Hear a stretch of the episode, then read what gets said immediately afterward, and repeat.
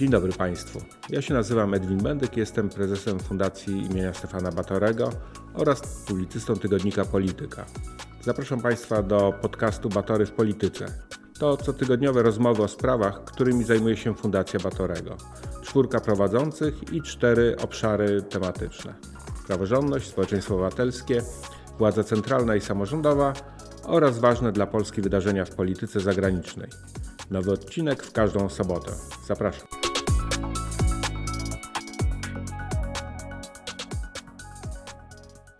Dzień dobry, nazywam się Krzysztof Izdebski i zapraszam Państwa do wysłuchania najnowszego odcinka podcastu Batory w Polityce. Zajmiemy się w nim próbą zrozumienia, co dzieje się z Trybunałem kiedyś konstytucyjnym.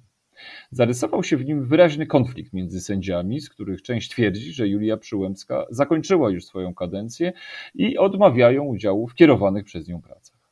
Jednocześnie Trybunał cały czas sprawia wrażenie, że głównie skupia się na zaopiekowaniu potrzeb polityków opcji rządzącej. Na przykład podejmując po sześciu latach sprawę dotyczącą ułaskawienia przez prezydenta Dudę panów Kamińskiego i Wąsika. Z kolei Komisja Europejska wniosła niedawno do Trybunału Sprawiedliwości UE skargę na Polskę właśnie z powodu jej zdaniem upolitycznienia naszego sądu konstytucyjnego. Zespół ekspertów prawnych Fundacji Batorego położył na stole konkretne propozycje, jak uzdrowić działanie Trybunału, również w kontekście obecnego konfliktu. A o tym wszystkim porozmawiam z jednym z członków zespołu, profesorem Marcinem Matczakiem z Uniwersytetu Warszawskiego oraz partnerem w kancelarii Domański Zakrzewski Palinka. Dzień dobry, witaj. E, no, pierwsze pytanie, e, też na kanwie właśnie tego opisywanego e, konfliktu, to jest takie, czy Twoim zdaniem Julia Przyłębska jest w dalszym ciągu prezesem Trybunału Konstytucyjnego? Nie, Julia Przyłębska nie jest prezesem Trybunału Konstytucyjnego. Taką pełną analizę przedstawiliśmy w naszym stanowisku, stanowisku zespołu ekspertów, o którym wspominałeś wcześniej. Jednym z wielu stanowisk, które staramy się wydawać w sprawach palących, jak nam się wydaje, istotnych, zwłaszcza takich, gdzie jest jakieś takie zamieszanie poznawcze, bo rzeczywiście te sprawy są dosyć, dosyć złożone prawnie. Natomiast akurat w tej kwestii nie mieliśmy żadnych wątpliwości. W naszym kraju źródłem prawa jest ustawa. I ta ustawa wyraźnie wskazuje, że w obecnym stanie prawnym prezes Trybunału Konstytucyjnego pełni swoją funkcję w ramach kadencji. Ta kadencja się skończyła. Może oczywiście w prawie być tak, że jeżeli kogoś jakieś regulacje zaskakują, jeżeli one są zmianą reguł gry w trakcie jej trwania, czyli gdyby było tak, że pani Przyłębska byłaby już prezesem długo, długo, nie wiem, 2-3 lata i nagle wprowadzono by zmianę, której ona się nie mogła po pierwsze spodziewać, po drugie, kiedy przyjmowała na siebie ten obowiązek, przecież nie mogłaby wtedy wiedzieć, że później jej to zostanie zmienione, to wtedy mogłaby ona ewentualnie podnosić w oparciu o taką konstytucyjną zasadę ochrony interesów w toku, właśnie, że nie zmienia się reguł w trakcie trwania gry. Ale ona rozpoczęła swoją grę, jeżeli można tak powiedzieć, jako prezes Trybunału, w momencie, kiedy wszystkie warunki były już znane, bo zanim została prezesem, to już wiedziała, że za moment wejdzie w życie przepis o kadencyjności. Krótko mówiąc, prawo jest tutaj jednoznaczne i jakiekolwiek mydlenie oczu ludziom yy, takimi ruchami, jak na przykład ta uchwała, która została podjęta przez Zgromadzenie Ogólne Sędziów, ażeby bronić statusu yy, pani Przyłębskiej, jest bez sensu, bo uchwały nie są źródłem prawa, w przeciwieństwie do ustaw, która tutaj, jak powiedziałem, jasno mówi, że pani Przyłębska prezesem już nie jest. No ja się nawet spotkałem z taką e, opinią, że tutaj dowodem na to, że ona jest prezesem jest jeszcze też e, opinia e, premiera Morawieckiego, co też wydaje się dosyć osobliwe, jeżeli tyle zarzutów co do upolitycznienia Trybunału się pojawia i o tym, że to w zasadzie rząd reaguje, czy, czy ustala wręcz, no nie tylko ta uchwała, o której wspominałeś, ale rząd wydając jakąś opinię ustną na ten temat, czy przedstawiciel tego rządu, no, zapewnia tak, że ona jest tym E, prezesem Trybunału Konstytucyjnego.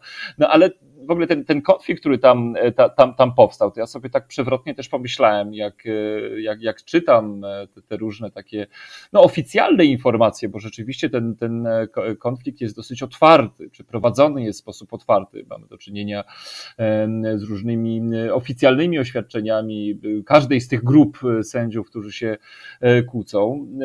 To może dobrze w sumie, że ten Trybunał Konstytucyjny jest teraz wewnątrz skonfliktowany, bo może więcej po prostu nie szkodzi. Co, co ty o tym myślisz? Czy to jest w ogóle dobra wiadomość, czy, czy, czy jednak powinniśmy w dalszym ciągu się e, martwić? Tak, to może najpierw krótka uwaga do tego, o czym powiedziałeś na początku, bo to, że premier wypowiada się w tej sprawie, w sprawie tego, kto jest prezesem i że ludzie traktują to jako coś poważnego, to można powiedzieć, ta informacja byłaby śmieszna, gdyby nie była tak tragiczna.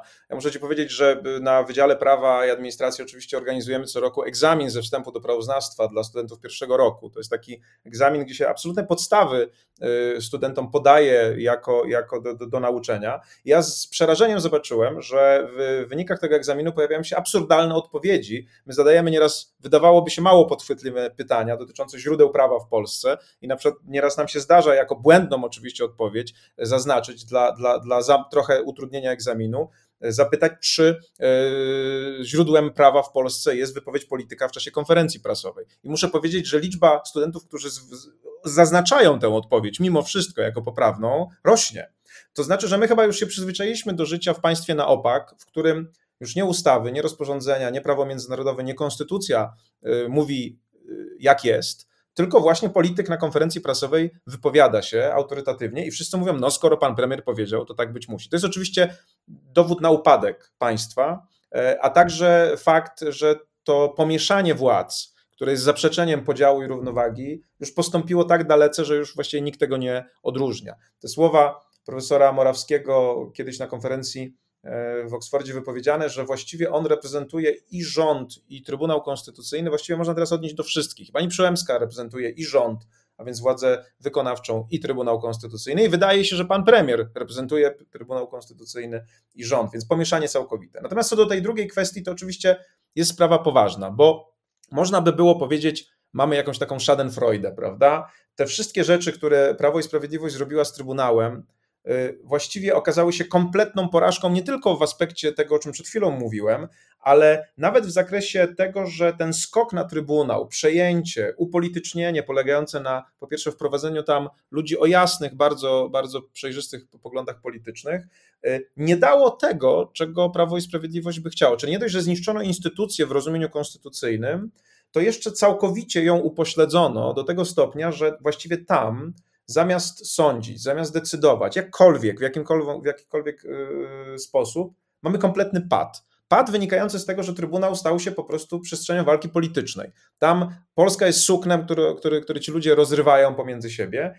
I ja już parę razy o tym mówiłem, że to jest także przypadek, yy, przykład tego, do czego prowadzą tak nieprzemyślane zmiany. Jeżeli ani parlament, ani prezydent Rzeczypospolitej nie dba o to, ażeby do Trybunału trafiali sędziowie, czyli ludzie z pewnym takim podejściem, które przynajmniej y, daje szansę na niezależność, tylko pcha się tam, dopycha kolanem ludzi, którzy są ewidentnie politykami i w taki sposób traktują tę, tę funkcję, no to potem ma się tam, przepraszam, polityczne bagno. Znaczy, zamiast mieć świątynię jakiegoś, jakiejś racjonalności, jakiegoś rozważania mimo wszystko, które bierze pod uwagę dobro Polski, mamy po prostu brutalnych polityków, którzy chyba nawet nie zauważają, że oni zmienili ławy sejmowe, na ławy Trybunału.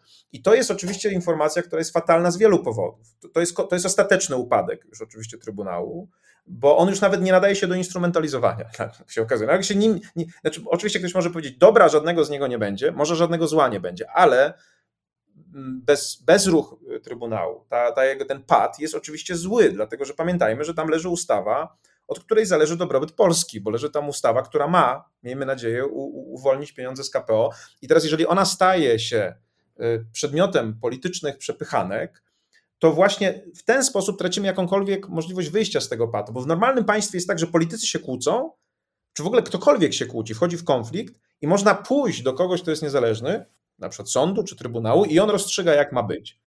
Tylko przepraszam ci wejdę, wejdę ci, wejdę ci w słowo, tylko żeby y, przypomnieć właśnie naszym y, słuchaczom i słuchaczkom, że chodzi o tą ustawę, którą e, prezydent Duda skierował e, do, do Trybunału.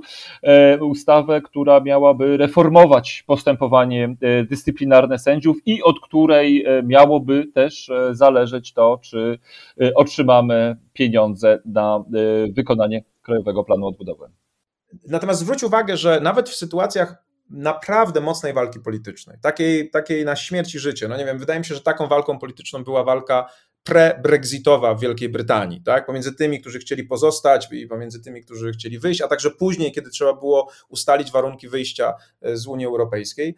I tam, w, tej, w środku całej tej wojny politycznej, no jednak sprawa dotycząca tego, kto ma decydować, trafiła do Sądu Najwyższego. I ten sąd rozstrzygnął. I oczywiście jedni byli niezadowoleni, drudzy byli zadowoleni, pojawiły się ataki, ale przynajmniej była instytucja, która mogła podjąć decyzję właśnie w sytuacji klinczu politycznego.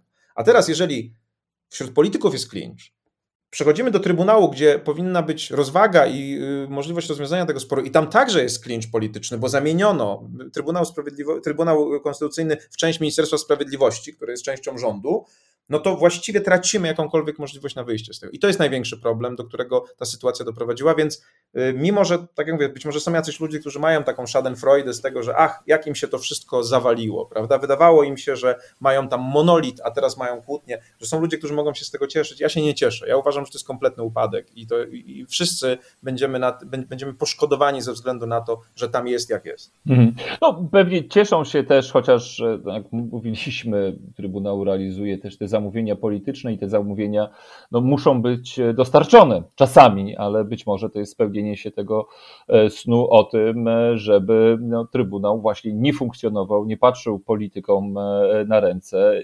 No, jak niektórzy mówili, że to jest taka trzecia izba parlamentu i po prostu ta izba została de facto zlikwidowana. No ale ja też rozumiem z Twojej wypowiedzi, zresztą no, podzielam tą, tą opinię, że jest to no, rzecz dramatyczna też, jeżeli chodzi w ogóle o przedstawianie, o, o jakieś zarysowanie modelu e, tego, w jaki sposób państwo prawa powinno funkcjonować, bo być może nawet taka fasada, jaką Trybunał kiedyś Konstytucyjny był do czasów tego konfliktu, e, też jest potrzebna, żeby uzmysłowić, że jest taka instytucja i ona powinna e, gorzej czy lepiej e, funkcjonować. Ale czy jest właśnie w ogóle jakieś wyjście z tej sytuacji obecnie, Twoim zdaniem? No, prezydent Duda też rzucił w jednej z wypowiedzi medialnych, że proponuje, żeby ci sędziowie się, cytuję, odkłócili ze sobą. No, rozumiem, że to jest pewna forma apelu, ale czy ty widzisz w ogóle też jakieś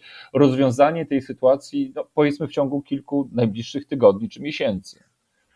Znaczy, po pierwsze, y, muszę powiedzieć, że z dużym oburzeniem odbieram słowa prezydenta, ponieważ są one dla mnie dowodem dużej nieodpowiedzialności. To pan prezydent jest współodpowiedzialny za to, że oni się tak kłócą, dlatego że to on y, także, właściwie chyba wstydząc się tego, przyjmował ślubowanie od y, polityków, którzy trafili do Trybunału Konstytucyjnego, na przykład od pani Krystyny Pawłowicz czy pana Piotrowicza, co do których istniały poważne wątpliwości, czy w ogóle mogą kandydować do Trybunału w związku z przekroczeniem pewnej bariery wiekowej.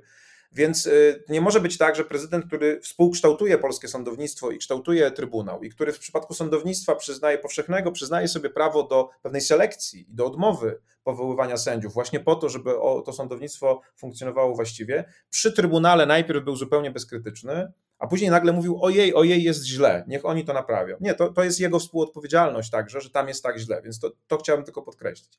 Teraz ta choroba jest tak głęboka, że nie da jej się wyleczyć w ciągu paru dni czy paru tygodni. Dlatego, że y, oczywiście można sobie, nie wiem, wyobrazić jakiś przewrót polityczny, prawda, w którym ktoś podejmuje jakąś absurdalną zupełnie bezprawną decyzję, nie wiem jaką, powołując, tak jak była, jest Krajowa Rada Radiofonii i Telewizji, powołano tam jakąś osobną radę, która ma ją duplikować, no to nie wiem, może teraz nagle ktoś by wymyślił taki pomysł, żeby się powołało inne ciało, które by to rozważyło, to jest oczywiście absurdalne i doprowadziłoby do jeszcze głębszego kryzysu, jakiejś dwuwładzy. Nie da się przecież tych ludzi z tego trybunału, nie wiem, wyrzucić, zdyscyplinować, no nie wiem co jeszcze, co można z nimi zrobić. To, to po prostu tak nie działa. Więc niestety wydaje mi się, że osoby odpowiedzialne za to, co się y, dzieje w tym trybunale, tak jak mówię, politycy Prawa i Sprawiedliwości i pan prezydent, no po prostu muszą wypić to piwo, tak, którego naważyli, a my niestety musimy z tego powodu cierpieć, bo tak jak mówię, te pieniądze z KPO, które są w tym momencie blokowane i prawdopodobnie zostaną jeszcze zablokowane na długo, są nam bardzo potrzebne jako społeczeństwu, jako, jako, jako państwu.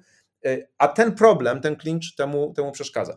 E, my oczywiście jako zespół ekspertów staramy się proponować pewne rozwiązania, które długofalowo miałyby do takich sytuacji nie dopuszczać. Jak wiadomo, powszechnie publikowaliśmy to, e, pan doktor Zalesiński i pan profesor Patyra we współpracy z całym zespołem przygotowali moim zdaniem bardzo dobre projekty, po pierwsze tego, jak Trybunał uregulować na przyszłość, po drugie, jak posprzątać ten cały bałagan, no ale tam nie ma rozwiązań, które da się w ciągu dwóch, trzech tygodni wprowadzić. To są rozwiązania, które po pierwsze wymagają zgody politycznej, że trzeba je wprowadzić i być może po zmianie osobowej w Trybunale, kiedy wygasną te w wielu przypadkach nieszczęsne niestety kadencje, pozwolą wybrać ludzi, którzy będą mieli ten taki mindset sędziowski, a nie polityczny. Ale to jest nie odpowiedź na, to nie jest odpowiedź na twoje pytanie, bo oczywiście to jest kwestia lat bardziej niż tygodni czy nawet miesięcy.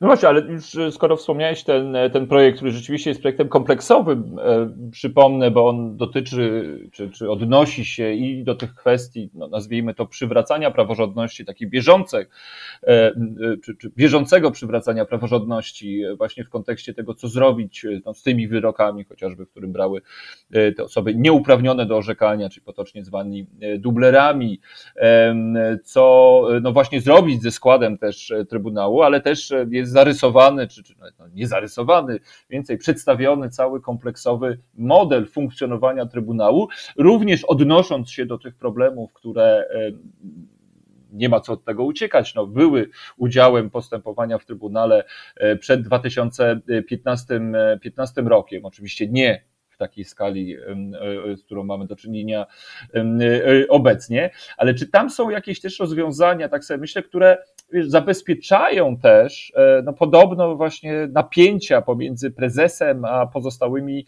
sędziami, no bo ja też zakładam, i to chyba nie jest naiwne założenie, a po prostu no, wynikające z jakiejś obserwacji dynamiki życia politycznego czy konfliktu politycznego w Polsce, no, że takie sytuacje mogą się po prostu powtarzać? Czy, czy, czy też to jakoś tam przewidzieliście i w tym swoim projekcie? Tak, w tym projekcie staraliśmy się uzdrowić, jeżeli można tak powiedzieć, sytuację z Trybunałem y, na kilku poziomach, y, ale dla tej sytuacji, o której mówiłeś, najważniejsze wydaje mi się są dwa. To znaczy, po pierwsze, bardzo ogólny poziom, ale niezwykle istotny, zmiany sposobu selekcji kandydatów na sędziów Trybunału Konstytucyjnego, y, czyli tak naprawdę systemowa zmiana tego, kto do Trybunału ma trafiać. Chodziło nam przede wszystkim o to, ażeby cały proces selekcji był bardzo transparentny, ażeby można było y, dokonać wysłuchania publicznego tych kandydatów, żeby oni tego nie mogli uniknąć, ażeby można było tych ludzi zobaczyć, żeby decyzja ostateczna o powołaniu kogoś do Trybunału była decyzją o powołaniu człowieka, który, o którym wiemy skąd przychodzi, wiemy co myśli i czy ma ten element właśnie w sobie umysłu sędziowskiego, to znaczy umiejętności wzniesienia się ponad podziały polityczne. I w ten sposób zapewnienia, żeby do Trybunału trafiały osoby, które cieszą się szacunkiem nie wąskiej grupy polityków, tylko y, jednak szerszym szacunkiem społecznym. I to jest bardzo istotne, bo wiemy jako prawnicy, że nawet najlepiej rozpisaną przepisami y, instytucję mogą zniszczyć ludzie, którzy po prostu nie rozumieją jej istoty albo co gorsza mają złe zamiary. Tak jest teraz, moim zdaniem, w Trybunale Konstytucyjnym. Ale jest jeszcze jeden element, bo to, żeby ten, ten, ten ludzki aspekt y, tego, kim jest sędzia, był zapewniony, to jedno, ale normy i instytucje i wewnętrzne regulacje też są ważne. Wydaje się, że jednym z powodów, dla których dzieje się tak źle w Trybunale, jak teraz się dzieje, jest w pewnym sensie jedynowładztwo e, prezesa. Znaczy prezes może zbyt dużo i jeżeli prezes jest złym człowiekiem, jeżeli nie ma, nie ma umysłu sędziowskiego, jeżeli sprzyja jakiejś partii politycznej, to może naprawdę dużo. Dlatego i to widzimy. Widzimy, że pani Przyłębska może dużo i prawdopodobnie robi bardzo dużo. Z sędziów, z informacji od sędziów upublicznionych wynika, że prawdopodobnie manipuluje przy składach, że decyduje o czasie rozpatrywania spraw, czyli ma jakby zbyt dużą władzę, której nadużywa. I dlatego tym drugim elementem, o którym chcę powiedzieć, z wielu, które w, tych, w tym projekcie są zawarte, jest odebranie jej tego jedynowładztwa, czy w ogóle odebranie jedynowładztwa każdemu prezesowi i zwiększenie roli zgromadzenia ogólnego, czyli, czyli zbiorowego umysłu sędziów, sędziów Trybunału Konstytucyjnego i powierzenie im nadzoru nad funkcjonowaniem Trybunału, nie tylko takiego wielkiego dzwonu, tylko właściwie ciągłego. Chodzi o to, żeby zgromadzenie y, ogólne, a nie jedna osoba, czyli prezes, decydowało o składach, o zmianie w tych składach, o innych tego typu kwestiach. Wydaje nam się, że to będzie istotne taka, taka demokratyzacja tego procesu i na pewno spowoduje, że będzie trudniej tym procesem manipulować, bo można zmanipulować jedną osobę, albo można wybrać jedną osobę, która, jak mówię, na sędziego się nie nadaje ze względu na brak tego sędziowskiego umysłu i popieranie jednej z partii politycznych, ale trudno będzie to zrobić wo wobec 15 sędziów. Także to jest ten drugi element, Y, odebranie jedynowładztwa prezesowi i danie większej władzy zgromadzeniu e, ogólnemu, które wtedy bardziej demokratycznie i mądrze, jak nam się wydaje, będzie Trybunałem zarządzać. A, a jeszcze też wytłumacz, bo mówisz o tych manipulowaniu, użyłeś takiego sformułowania, manipulowanie składami. E, jakie to ma znaczenie z punktu widzenia osoby, podmiotu, którego na przykład skarga trafiła do Trybunału Konstytucyjnego.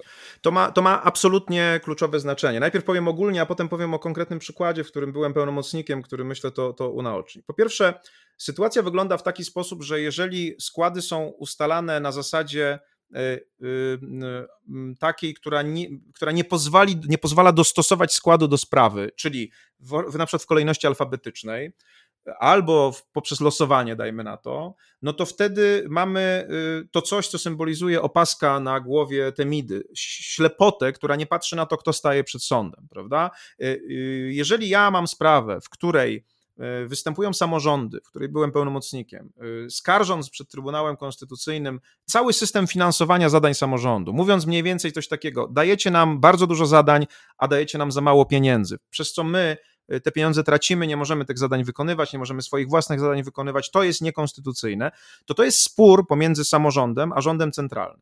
I teraz, jeżeli skład jest wyznaczany alfabetycznie, albo jest, powiedzmy, dajmy na to, byłby wyznaczany losowo, to ja nie mam podejrzeń, że ktoś, na przykład prezes Trybunału, który wspiera rząd, a nie samorząd, wybierze mi do tego składu ludzi, których poglądy zna. Bo jeżeli na przykład wybierze mi tam wyłącznie sędziów mianowanych przez obecny rząd, no to wtedy ja mam jednak podejrzenie, że tutaj coś zostało ustawione. Ale tam w tym trybunale zdarzały się rzeczy jeszcze gorsze. To nie chodzi o to tylko, że jakby ustalano skład nie w sposób losowy czy alfabetyczny, dajmy na to, ale nawet zmieniano go później, jak wskazują sędziowie, w momencie, kiedy na przykład ktoś orientował się, że ten skład, czy pewien sędzia będący w tym składzie ma pogląd, który może na przykład rządowi zagrozić. W tej sprawie, o której ja mówię, w której byłem pełnomocnikiem, myśmy czekali kilka dobrych lat na tę sprawę i nasz skład został zmieniony na 48 godzin przed rozprawą. Czyli po pierwsze, ci sędziowie, który, i, został zmieniony poprzez, w taki sposób, że zabrano sędziów, którzy byli wybrani przez jeszcze poprzedni parlament i wprowadzono sędziów, którzy zostali wybrani przez ten parlament. Co więcej, ci sędziowie nie mieli oczywiście możliwości zapoznania się z tą sprawą, a ponieważ dochodziły później takie informacje, to kto wie, czy nie było tak, że kiedy w czasie narady przewodniczący zorientował się, że jeden z sędziów chce zdecydować nie tak, jak chciałby rząd, to po prostu zdecydowano, że trzeba go usunąć ze składu, bo to może zagrozić rządowi jeżeli tak było, a niestety, jak mówię, pewne poszlaki na to wskazują, nie mówię o tej sprawie konkretnie, ale o, o tym, o czym pisali inni sędziowie, no to to jest skandal niewyobrażalny, prawda? To, to trochę tak, jakby w sprawie karnej y, ktoś, kto jest tą sprawą zainteresowany, mógł wymienić sędziego, jak tylko zorientuje się, że sędzia chce go skazać, prawda? Po to, ażeby wyrok był inny. Krótko mówiąc, manipulacja składem zwłaszcza w trakcie rozpatrywania sprawy, ale nie tylko, może mieć wpływ na efekt. No więc może mieć wpływ na wymiar sprawiedliwości i na to, czy się sprawę wygra, czy się przegra, przez to, że tam się wstawi odpowiednich ludzi. Więc jest to sprawa absolutnie kluczowa i, i jeżeli te podejrzenia, które sędziowie sygnalizowali, się potwierdzą, to po pierwsze to będzie niewyobrażalny w ogóle skandal, a po drugie to tylko pokaże, że złożenie wszystkiego w rękach jednej osoby, którą łatwiej jest sterować, która może być polityczna, jest błędem. I stąd ten pomysł, żeby to utrudnić, przynajmniej rozkładając te kompetencje na szerszą grupę sędziów.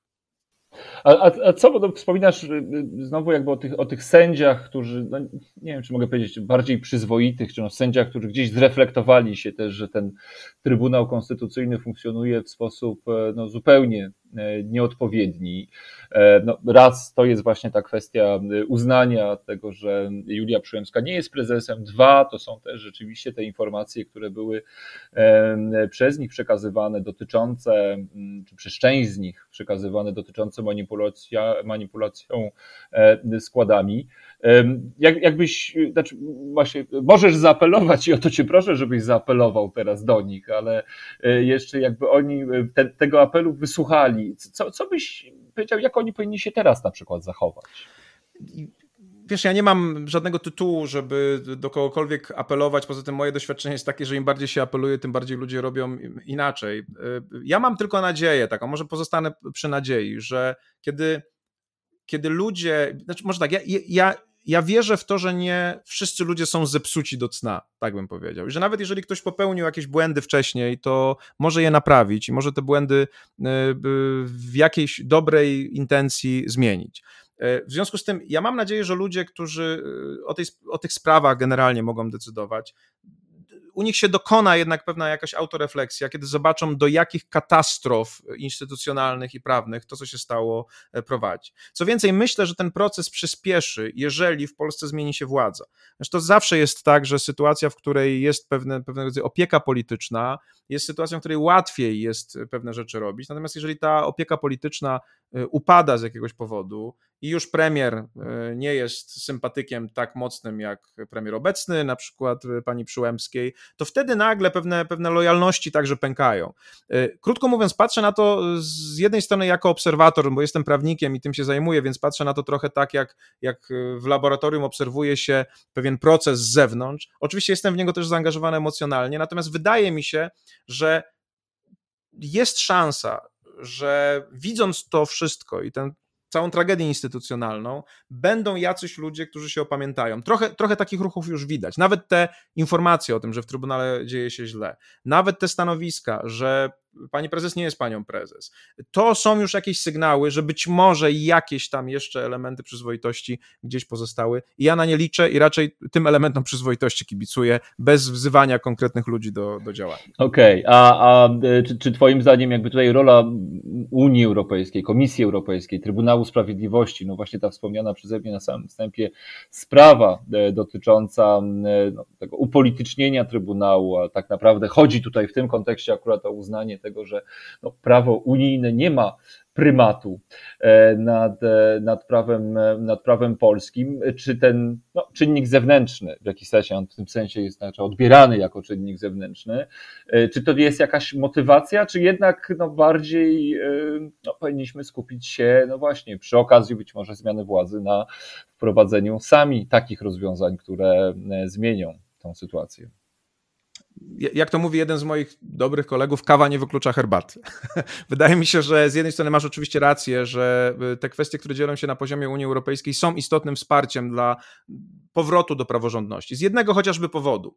Y, kiedy mamy przekonanie, że w Polsce nie możemy liczyć na bezstronne rozstrzygnięcie tych takich kwestii kluczowych, ustrojowych, no to pozostają nam y, sądy europejskie, to zarówno Trybunał Sprawiedliwości, jak i Oczywiście w niektórych sprawach wypowiadał się też Europejski Trybunał Praw Człowieka. To jest ważne z tego powodu, że w Polski, z każdym takim wyrokiem, który pokazuje nielegalność pewnych działań, czy z wyrokiem na przykład SUE, który pokaże, że tutaj rzeczywiście z tym Trybunałem coś jest nie tak, mimo całego krzyku, który się tutaj podniesie, znowu wymachywania flagą y, suwerenności, która jest po prostu zasłoną dymną, będziemy mieli jako prawnicy jeden ważny element załatwiony. Sąd który jest sądem w rozumieniu naszego porządku prawnego, bo jesteśmy członkiem Unii Europejskiej, stwierdzi na przykład nielegalność jakichś działań. I to zmienia wszystko, dlatego że wtedy ludzie, którzy siedzą w takim trybunale, też prawnicy, muszą gdzieś tam w tyle głowy mieć myśl, a co będzie, jeżeli kiedyś ktoś powie mi, że ja nie stosując się do tego wyroku, przekroczyłem uprawnienia czy będę miał postępowanie karne, czy będę miał postępowanie dyscyplinarne.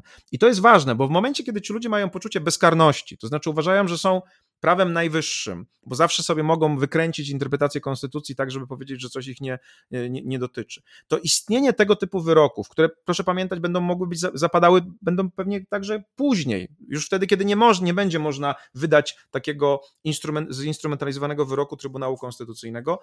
Takie wyroki zmieniają rzeczywistość prawną i mogą być elementem presji, bardzo mądrej, przejrzystej presji na tych, którzy w tym trybunale siedzą. Bo jak mówię, oni będą musieli sobie zadać pytanie, może jednak ja muszę przestrzegać tego wyroku, dlatego że on jest elementem mojego porządku prawnego. Jeżeli tego nie zrobię, to kiedyś mogę mieć kłopoty prawne. I, I, dlatego to jest ważne. Nie zmienia to faktu, że oprócz tych działań unijnych, my też musimy działać. I ten projekt, który przygotowany został przez zespół ekspertów, jest takim działaniem.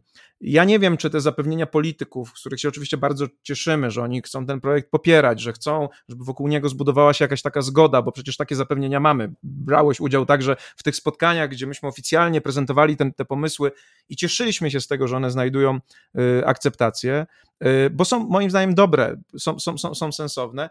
Mam nadzieję, że to nie są y, płonne nadzieje i że to nie są obietnice, które zostaną gdzieś tam wyrzucone do, do, do kosza politycznego, bo wydaje mi się, że takich regulacji potrzebujemy. Nie regulacji wewnętrznych proponowanych przez jedną siłę polityczną, ale takich, które przygotowują eksperci, które później są konsultowane, bo przecież myśmy konsultowali te projekty bardzo szeroko i wśród, wokół których buduje się jakiś konsensus polityczny. To daje szansę na to, że ten Trybunał wróci do dawnej świetności, ale jeszcze raz musimy sobie powiedzieć, to nie nastąpi jutro, nastąpi za parę tygodni czy za parę miesięcy. Tak głębokie zepsucie będzie wymagało długiego wyprowadzania. A to tylko, a to tylko jedna z instytucji, e, być może kluczowa, ale, ale jedna z instytucji, które zostały e, zepsute. No, pewnie odrębnym jeszcze prawda, tematem jest Krajowa Rada e, Sądownictwa i, i, i też w zasadzie to te próby zmiany postępowania dyscyplinarnego, które nie do końca też cieszą się uznaniem wielu, wielu ekspertów. I być może jeszcze, nie wiem, to ostatnie już pytanie, nasz czas się, się kończy, jakby budując na tym, co, co powiedziałeś teraz, Znaczy, że też to może być szansa dla Andrzeja Dudy, tak? znaczy, który może zdecydować też o tym, czy te projekty w przypadku rzeczywiście realizacji tych obietnic, które nam e, politycy opozycyjni składali, e, że on e, nie skieruje do Trybunału Konstytucyjnego, czy nie zawetuje tego projektu. No tutaj oczywiście mamy, mamy wątpliwość istotną, ponieważ pan prezydent wyznaje pewną taką tezę niemal jak papież o swojej nieomylności i w momencie, kiedy y, jest jasne na przykład, że ten projekty, które, przygotow- ten projekty, które przygotowaliśmy, one przewidują na przykład skasowanie wyroków wydanych przez, przez, przez y, dublerów, a pan prezydent pewnie ich za dublerów nie uważa, bo przecież sam ich powołał, może być trudno. Y, nie wiem, czy tę kwestię da się przezwyciężyć, bo tak jak mówię, pan prezydent jest mocno do swojej nieomylności, do tej idei o o, o, o, leczącym charakterze swoich rąk, które powołują kandydata, prawda, które usuwają wszystkie wątpliwości, bardzo mocno przywiązane. Ale zobaczymy. Być może tak jak y, w Trybunale Konstytucyjnym pewna dynamika zacznie się zmieniać, kiedy y, Prawo i Sprawiedliwość przegra wybory, jeżeli przegra, to być może tak samo będzie z prezydentem. Tak się często dzieje z ludźmi, którzy y, działają bardzo jednoznacznie politycznie, że nagle odwracają się w drugą stronę, tak jakby zrozumieli, że teraz trzeba mm, zmienić front, ażeby, ażeby można było normalnie funkcjonować.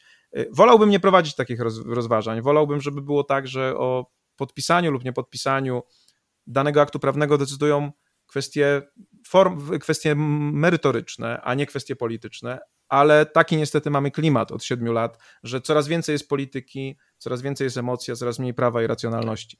Miejmy nadzieję, że to się zmieni. Pracujemy w tym kierunku y, i oby tak było, że moje przewidywania negatywne, że pan prezydent raczej będzie przeszkadzał, się nie spełniła, żeby twoje oczekiwanie, że być może pójdzie po rozum do głowy, jednak dobre rozwiązanie będzie wspierał, się spełniły.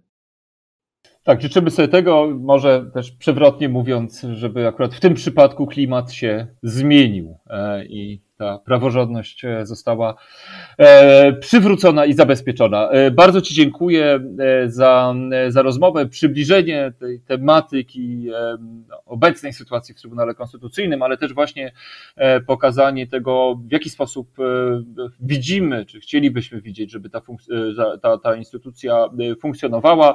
Moim i Państwa gościem był profesor Marcin Matczak, Uniwersytet Warszawski, Kancelaria Domański-Zakrzewski-Palinka i ekspert Zespołu Ekspertów Prawnych Fundacji Batorego. Bardzo Ci dziękuję. Bardzo Ci dziękuję za rozmowę.